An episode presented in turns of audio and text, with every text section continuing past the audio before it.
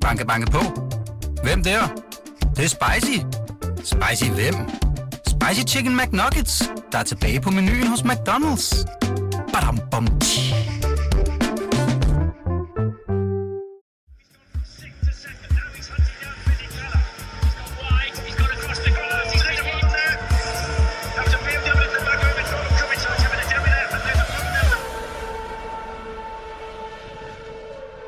Velkommen til BT's podcast, K-Magazine, podcasten om Kevin Magnussen og Formel 1. Dette er andet afsnit af vores nye podcast, som du kan lytte til på både BT.dk og i iTunes, hvor du også finder første afsnit. I denne podcast går vi helt tæt på den danske Formel 1-kører og ser nærmere på store og små temaer og begivenheder fra den store Formel 1-verden. Og heldigvis så er jeg ikke alene her i studiet. I dag er jeg nemlig flankeret af de to racerkørere, Ronny Bremer og Mikkel Mack. Velkommen til jer. Tak. Tak. Og Mikkel, først og fremmest tillykke. Du er lige blevet mester i GT Open. Ja, Ferrari. tusind tak. Hvordan er det? Det er dejligt. Det er altid dejligt at vinde, så det var det, der var målet for teamet og, og mig selv også. Så det er rigtig dejligt at, at slutte året af sådan. Det er godt at høre. Nu skal jeg lige høre dig. Er du også glad for, at uh, spændingen om verdensmesterskabet i Formel 1 lige er trukket lidt endnu, eftersom Hamilton ikke blev verdensmester i søndags i USA? Jeg tror, så får vi det bare at se næste weekend, hvis jeg skal være helt ærlig. Men øh, det, jeg glæder mig over, det er Kimi Räikkönen, han vandt. Og apropos Kimi Räikkönen, Ronny, jeg skulle nemlig lige til at spørge dig. Han fik jo sin første sejr, siden han vandt Australiens Grand Prix tilbage i 2013, da han kørte for Lotus. Var det fortjent, at, øh, at Räikkönen han vandt? Ja, det var det helt sikkert. Det, det har jo været undervejs et par gange, hvor det ikke er lykkedes, så det var meget, meget længe siden, kunne man også se, øh, siden at det var sket sidste gang. Men, men han kørte det virkelig godt løb, synes jeg. Især slutningen, der troede jeg faktisk ikke, han kunne holde den, men det, det, det gjorde han, så det, det var fuldt fortjent. Og lige om lidt, så dykker vi ned i dagens udsendelse. Velkommen til alle jer, der lytter med. Mit navn er Stine Braunschweig.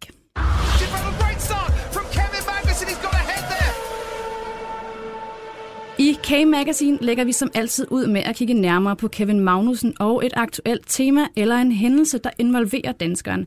Og i dag der dykker vi ned i den, set med danske briller, ærgerlige afslutning på USA's Grand Prix, hvor Magnussen efter at have sluttet løbet som nummer 9, blev diskvalificeret for at have brugt for meget brændstof. Reglerne i Formel 1 de siger, at man ikke må bruge mere end 105 kilo brændstof under et løb. Man må heller ikke tanke under et løb. Og hvis man bruger mere end det, der står i reglerne, så bliver man altså diskvalificeret.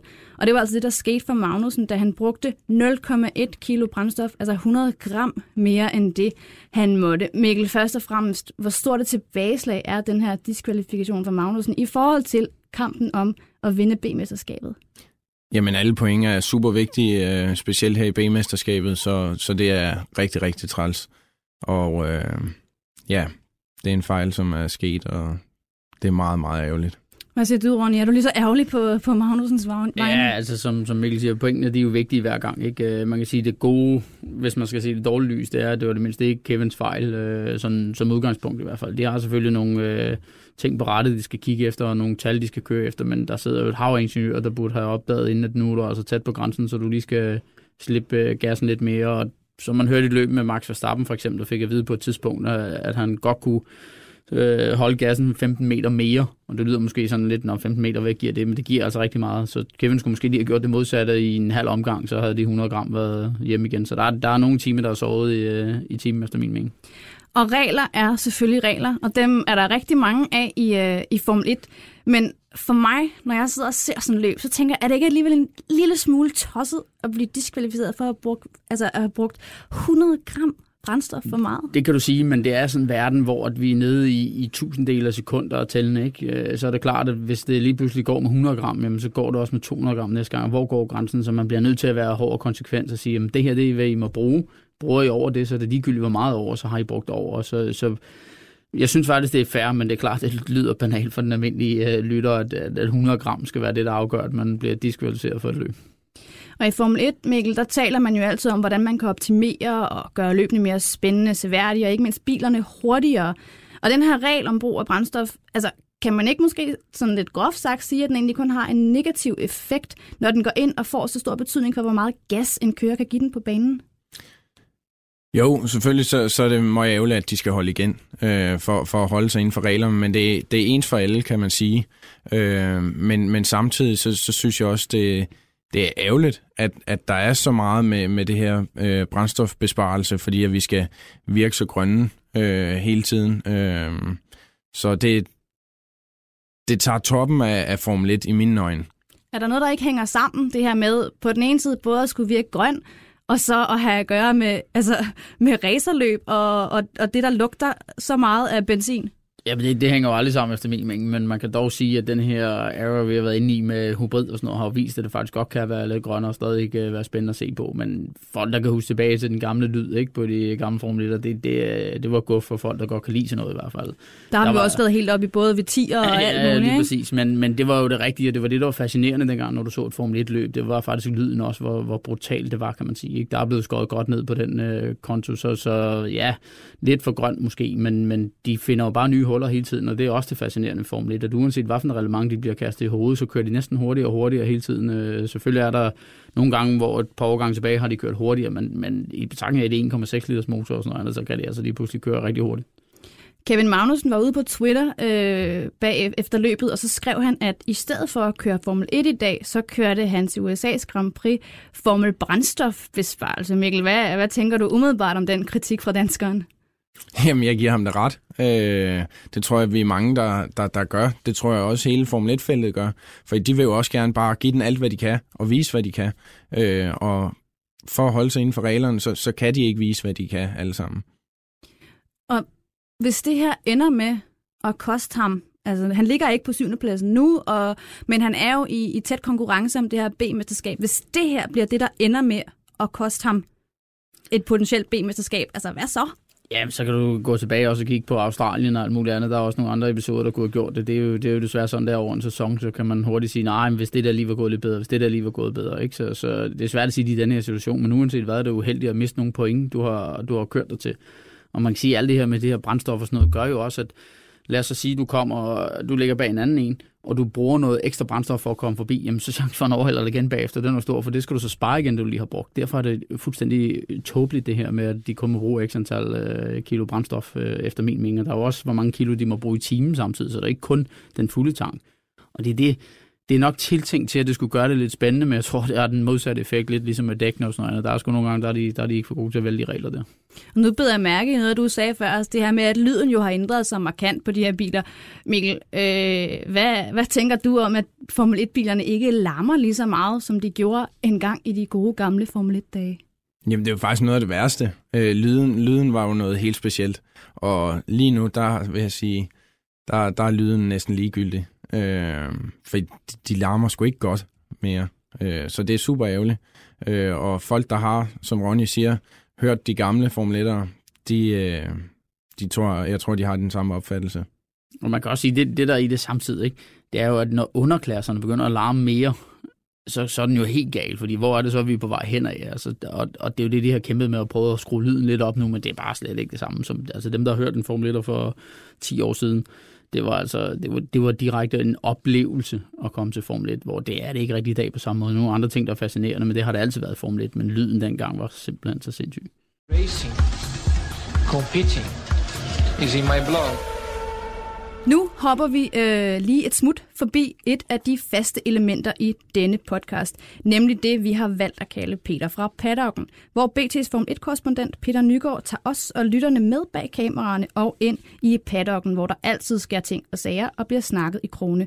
Og Peter har heldigvis sendt os en hilsen, inden han tog afsted mod Mexico. Og i denne uges Peter fra paddocken, der handler det om Lewis Hamilton.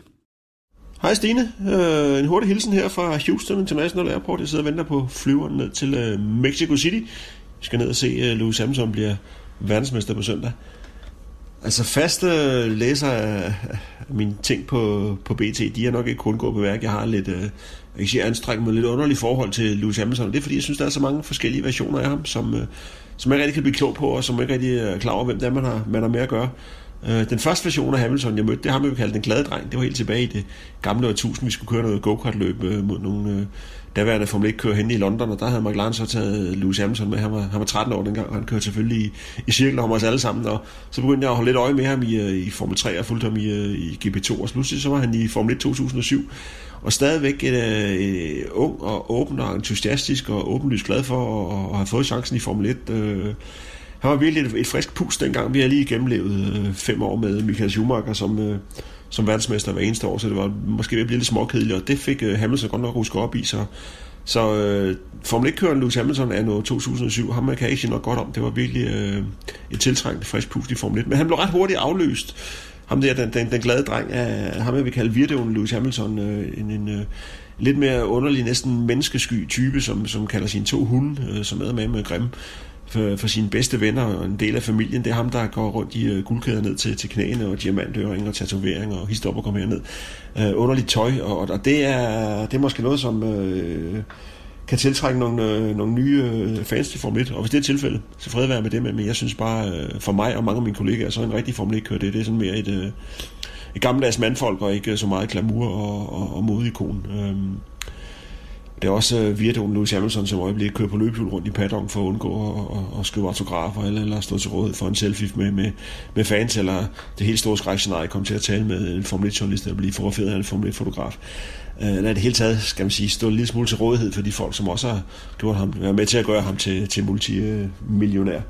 Øhm, så, så Virtual Louis Hamilton har ikke så, så meget til overs for. Så er der en type, jeg først oplevede i sidste uge, ambassadøren, vil jeg kalde ham, ambassadøren Louis Hamilton, som var i øh, Tonight Show, og fortalt om øh, Formel 1 øh, for, for 100.000 millioner af amerikanske tv-serier, som ikke nødvendigvis har forstand på Formel 1, måske slet ikke ved, hvad Formel 1 er, men han solgte bare vores sport godt. Øh, han gjorde den øh, interessant, øh, glamorøs. Øh, jeg er sikker på, at han på den aften i, i Tonight Show fik skabt en masse nye øh, Formel 1-fans i USA, og det kan jeg selvfølgelig kun have, have respekt for at tage den af for. Og så er der den type, jeg holder allermest af, altså racerkøren Louis Hamilton, det er ham, vi skal ned og se på søndag. Øh, han har kørt... Øh, den bedste bil i feltet de sidste fem år. Han har blevet verdensmester de fire år, hvis jeg tæller på, på søndag med. Og øh, de andre år har der været sådan enkelte weekender med udfald, hvor han ikke er virkelig rigtig interesseret, men, men øh, i år der har han kørt en fantastisk sæson. Der, han har leveret en omgang, på omgang i Singapore, øh, på en omgang her i Texas i, øh, i lørdags. Øh, noget af det flotteste, jeg har set i, øh, i Formel 1 øh, igennem de 35 år, jeg har arbejdet i sporten. Så racerkøren Louis Hamilton, ham kan jeg rigtig godt lide, øh, og ham glæder jeg mig til at møde i øh, Mexico. Øh, og så glæder jeg mig til at komme hjem til... Øh, K-Magazine-studiet øh, i næste uge. Indtil da, på gensyn. I anledning af vores øh, nye podcast her på BT K Magazine, så sætter vi inden længe gang i en konkurrence, hvor du, kære lytter, har mulighed for at vinde den store Formel 1-bog af Peter Nygaard. Den vejer cirka det samme som øh, mig. Den er meget, meget tung, og den er utrolig flot. Så hold øje med, med BT's Facebook og Twitter, hvor konkurrencen bliver offentliggjort inden længe. Og øh, nu vender vi os så mod vores øh, andet tema. Jeg kan sige, at vi er slet ikke færdige med at snakke om, øh, om det her med, med brændstof og de nye regler, der ændrer sig fra, øh, fra 2019-sæsonen. Men nu skal vi først lige snakke lidt om en herre, vi har været inde på. Fordi rigtig meget i Formel 1, det handler om de to store alfahander, der ligger og slås om den fornemme titel som verdensmester, nemlig Sebastian Vettel og Lewis Hamilton.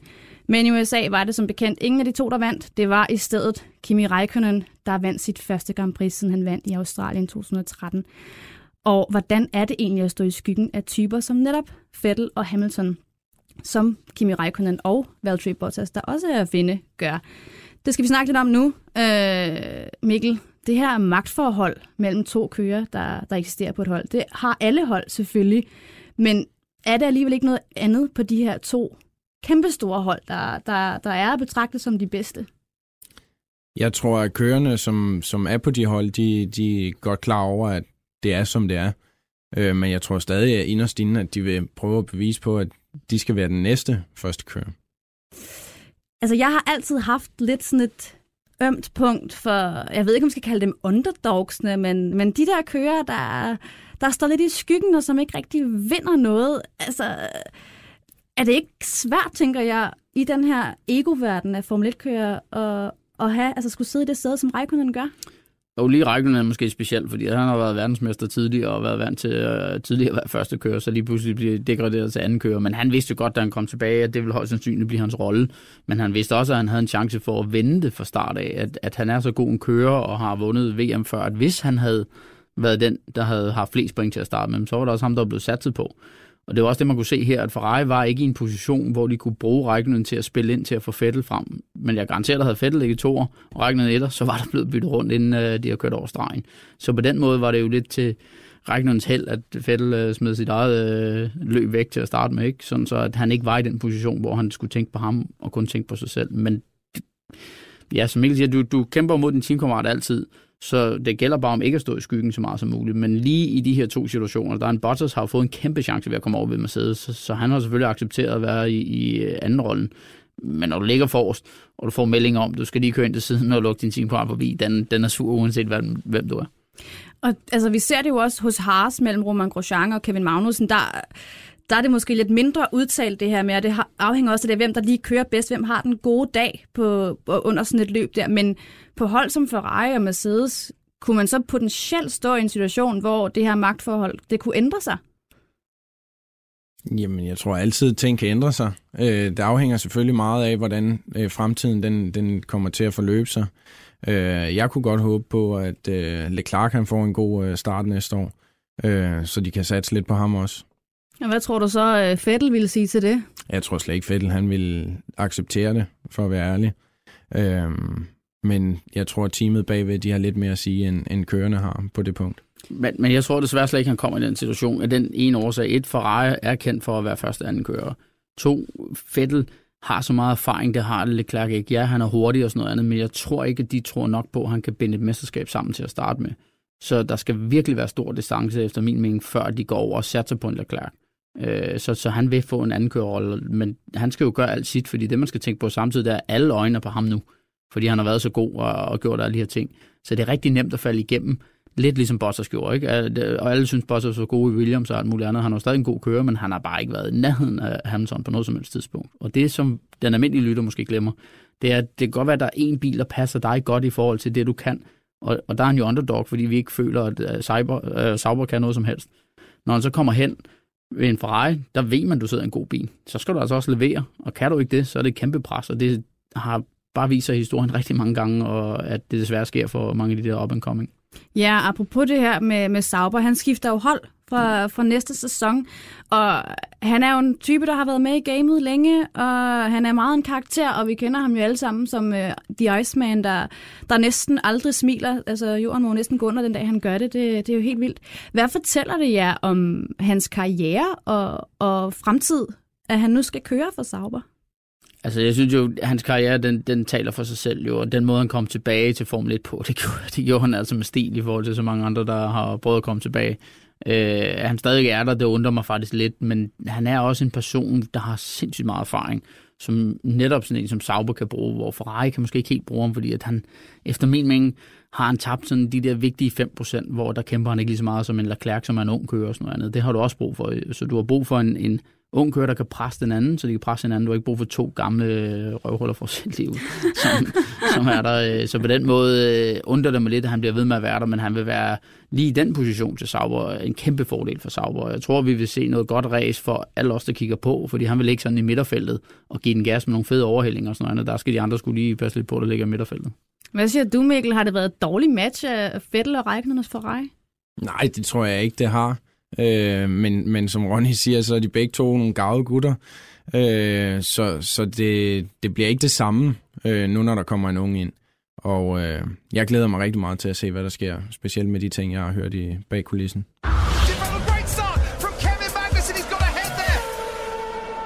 Som vi allerede har været inde på tidligere i udsendelsen, så skal vi nu snakke lidt mere om, øh, om de her kommende regelændringer, der, der, der træder i kraft fra sæsonen 2019 i Formel 1. Blandt andet det her omkring brændstof. Man vil nemlig gå fra at må bruge 105 kg brændstof til 110 kg brændstof. Øh, og det er jo selvfølgelig med henblik på at optimere bilerne og, og ræse yderligere, og man ændrer blandt andet radikalt på, øh, på bilernes aerodynamik også. Øh, jeg tænker bare, kommer den her ændring blandt andet det her med at gå fra 105 kg brændstof til 110 kg brændstof. Kommer det ikke en postgang for sent? Og det, det er der jo mange af tingene, der gør, men det er jo nok også et udtryk for, at teamsene har brokket så længe over, at øh, de måske gerne vil have lidt mere at gøre, men det er jo ikke ens betydende med, at de nødvendigvis bruger alle 110. Øh, så der kan være nogle baner, hvor de vælger at tanke noget mindre, og andre baner, hvor de har brug for at, at, at tage det hele. Man skal huske på, at det er jo stadig vægt, øh, og de vil gerne være så lette som muligt, så hvis de kan regne ud, at de kan køre et race og kun bare 102 kilo, så tanker de kun 102 kilo, selvom de gerne må noget mere. Men jeg synes bare, de skulle gå tilbage til der, hvor vi har nogle pitstop, fordi det, det vi så i weekenden er også øh, meget fedt race op foran for en gang skyld med tre biler, der ligger inden for, for halvanden, to sekunder, ikke? hvor vi plejer at se en eller anden, der stikker af øh, 20 sekunder foran. Men det gør også samtidig, at når der er så meget aerodynamik, har de svært ved at overhælde noget. Så enten skulle de have den der push to pass, som jeg har snakket om tidligere, sådan så de kan komme tættere på. Fordi det kan godt være, at de har deres øh, øh, hvad hedder det, det er zone, hvor det er, de kan komme, men det er svært at komme tæt på i, altså. og der kunne du lave om på det. Hvis du så lavede nogle pitstop, jamen så har du lige pludselig en, hvor dækkene også kommer i spil, fordi du både har benzin og dækkene, der kommer i spil. Så det skulle de hellere tænke på. Jeg ved ikke, hvorfor de er så bange for det der benzintankning der, fordi øh, historisk set, ja, der har været på gang, der har været ild, og det er da farligt, men motorsport er farligt, og, og så mange gange er det heller ikke sket efter min mening. Jeg tænker også bare, altså vi ser jo hele tiden forsøg på at optimere bilerne, og, og de bliver bedre, og man laver nye øh, front- og bagvinger til bilerne, og downforcen bliver, bliver markant optimeret. Altså, øh, det her med at sige, så får I også lidt mere brændstof, I kan bruge, for at vi selvfølgelig skal gøre det her race både seværdigt og mere altså racevenligt, så vi ikke uh, sidder med, med, med kører i nogle biler, hvor de føler, at de ikke kan angribe, fordi de ved, at de skal spare. Altså, udligner det ikke så bare sig selv, at fordi bilen automatisk også bliver bedre, fordi man laver nye tiltag for næste sæson, på aerodynamikken, og så siger jeg, så får I lidt mere brændstof, men altså, det er vel ikke nok, tænker jeg. Det, det udligner jo bare sig selv og bliver den samme øh, problematik, vi så har haft nu. Jamen, jeg tror, vi skal helt tilbage, ligesom Ronny siger, hvor de skal påfylde øh, noget benzin, så kommer der også en faktor mere, som øh, dem, der laver strategien, kan, kan arbejde med. Plus at kørende, de kan, hvis de får lov at, øh, efter strategien, øh, presse den alt, hvad de kan. Øh, så, så jeg synes, at øh, vi skal tilbage til det gode gamle. Og vi har jo, som sagt, der, der er mange øh, tiltag, der hele tiden kommer i Formel 1, og der kommer også nogle stykker af dem øh, i, øh, i 2019, ud over det her med, at man øger øh, brændstofmængden. Vi får blandt andet også det her, der hedder biometriske handsker, som jeg mener, at øh, du, Ronny, nævnte, at Hamilton har, har kørt med. Hvad kender du til, til den handske? Jamen, han har testet det nogle gange. Øh, jeg ved ikke, om der også er andre, der har testet det, men det er jo fordi, at man gerne vil blive klogere på at se, hvad er det, der sker med kroppen, når du kører undervejs og sådan noget. Øh, det, det der har været det største issue, når man tager pulsmåler på og sådan noget andet, det er jo, at adrenalinen går med ind over. Så når du kigger på sådan en pulsmåler, så har de haft en gennemsnitspuls på 190 i sådan en løb der, og det kan du ikke klare i to timer uden at dø. Så der er jo et eller andet, der, der er gået galt der. Men det er for at skærpe sikkerheden hele tiden. Allerede i forvejen nu, så i din, øh, i din øresnegl, der har du øh, så rolle med, som, som gør, at det viser mange genpåvirkninger, du bliver udsat for. Og det er jo vigtigt, når det er, de kører galt. De her handsker her er så med til at kan udvikle det endnu mere og give nogle flere ressourcer tilbage til at blive klogere på at gøre bilerne mere sikre for kørerne, og hvad er det egentlig, de gennemgår, når, når de kører derud. Man laver også øh, en ny, øh, et nyt tiltag, der, der skal gøre det lidt øh, nemmere for de tunge kører øh, af slagsen. Ikke at de vejer ret meget, nogle af dem, men en, en fyr som Hylkenberg for eksempel, han er lidt større end mange af de små kører, og det er jo selvfølgelig en ulempe at, at veje mere og være større. Øh, jeg, jeg ved ikke helt, hvordan det teknisk kommer til at være. Det må være noget med, hvordan man vejer det, og, øh, og noget med ballasten i bilen og sådan nogle ting der. Men, men uanset hvad, tænker jeg, at det vil et forsøg på at gøre racet mere spændende og mere lige. Jamen det kan det sagtens være. Altså i, i de lavere klasser, der har de også nogle, nogle øh, vægtgrænser, som hvis du vejer af en person, der ikke vejer særlig meget, så får du noget bly i, i den bil, du kører. Øhm, men jeg håber heller ikke, at det skal blive sådan, så at de skal veje så meget op, så, så der er en Formel 1-kører, der kan veje 80 kilo, 100 kilo. Øhm, men så kommer man heller ikke ned i bilen, kan man sige. øhm, men, men jeg synes, at det, det, det er fint nok, for I, uh, øh, nutiden bliver større og større personerne. Uh, så ja, det bliver spændende at se, hvordan og hvorledes de kommer til at, at, at, at tjekke det op. Og alle de her øh, ændringer og nye tiltag, der selvfølgelig kommer. Jeg tænker nu særligt på det her med, at, øh, at, at man vil øh, forbedre aerodynamikken markant. Hvem gavner det mest? Altså, vi, vil, vi kan jo altid godt lide at se spændende race, og, og, men vi ved jo også godt alle sammen, at når det er garanteret Mercedes, øh, måske Ferrari, der, der gør det. Altså, øh, vil det ikke bare måske gøre, gøre de hurtigere biler endnu hurtigere, og skældet mellem de, de seks bedste, og så resten endnu større? Både over. Altså, der bliver altid arbejdet på aerodynamik i, i Formel 1, uanset hvordan man gør. Hvis man skal sige de bedste, så er det jo faktisk Red Bull, der, der er dem, der har været bedst lige på den konto indtil videre. Øh, så de har så haft nogle andre udfordringer i ja, hvert fald. Ja, lige præcis. Men øh, jeg, jeg tror ikke rigtig, det, det, kan gøre det bedre. Der, hvor de skal hen, det er, at den aerodynamik skal hjælpe samtidig til at være tættere på den bil foran. Og det bliver svært, fordi hver gang du gerne vil, vil have noget mere aerodynamik, jamen, så øh, så, kommer der højst sandsynligt også noget mere drag, og så bliver det sværere at ligge bag folk. Og det er der, de skal finde noget andet, efter min mening, end DRS-zonen, fordi jeg synes, det er for kedelige overhældinger og sådan noget, hvor hvis du kunne komme tættere på i svingene, ved at have noget pustepas for eksempel, eller et eller andet, jamen så, så vil du skabe nogle situationer, du gør det, eller lave de her pitstop, hvor der er, du har dækning, og så lad være med at sørge for, at dæk kan køre mere end 25 omgange, så ved man, at de skal tanke tre gange på et øh, løb eller noget andet. Det giver en masse spændende ting i stedet for. Nu kører de jo kraftigt med bare derud af 40 øh, omgange på, på et dæk. Det er jo helt galt, Mathias.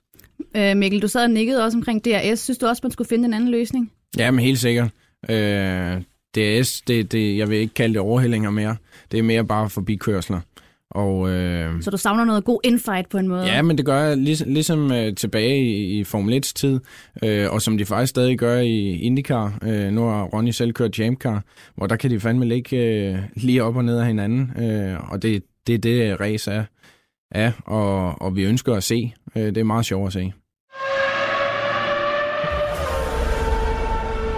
Og så er vi nået til endnu et af de faste elementer i denne podcast, nemlig det, vi kalder pole eller pit, hvor vores to gæster får til opgave at fælde dom over noget i Formel 1-verdenen eller over Kevin Magnussen. Det er noget, I er begejstret for, eller noget, I er trætte af. Og øh, Ronny, skal vi starte med dig? Har du taget med til, øh, til begge dele i dag, eller vil du ja, ligesom sidst være sådan, lidt, uh, ja, lidt negativ? Sådan lidt, Bob, jeg er lidt negativ, men det er højst sandsynligt sammen med Mikkel siger, men vi har jo allerede været inde på det. Det er det her med, med det her benzinbrændstof øh, her, ikke? og dækkene også. Altså, der er faktisk to elementer, og det, det skulle de gøre noget mere ved.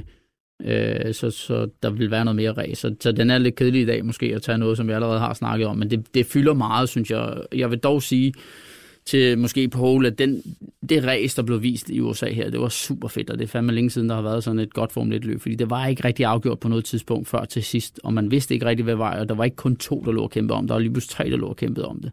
Så på den måde var det mere spændende, og pitstoppene viste jo netop den her gang, at det var det, der egentlig satte gang i tingene. Hvis Hamilton ikke var kørt ind under safety caren, så havde tingene nok set lidt anderledes ud. Øh, og hvis de havde ladet være med at holde ham ude så længe, som de gjorde, så har det nok også set anderledes ud. Og det er det, vi skal have tilbage igen, de elementer, efter min mening. Mikkel, øh, hvad har du taget med i dag? Pole eller pit? Jamen, jeg prøver at være lidt positiv i dag. Sådan. Så, så jeg har taget en pole med, øh, og det er faktisk øh, mere for seernes skyld. Øh, det grafiske del, efter amerikanerne er kommet ind, synes jeg er blevet klart bedre, øh, når man sidder og kigger på skærmene. Og det synes jeg er rigtig fedt, og de sociale medier har de også øh, fået oppet en del. Øh, så det, det, det, det er en pole fra min side af. Og nu er vi altså ved, ved vejs ende i, øh, i denne anden udgave af, af K Magazine. Husk, inden længe, der har du mulighed for at deltage i vores konkurrence på BT's Facebook og på Twitter. Øh, og her har du altså mulighed for at vinde den store Formel 1-bog af Peter Nygaard. Mikkel, Ronny, tusind tak, fordi I var, øh, var med i dag, og tak til alle øh, jer, der har lyttet med. Husk, at du kan finde vores podcast i iTunes, hvor du også kan abonnere på den, og så kan du også finde den på bt.dk. Vi høres.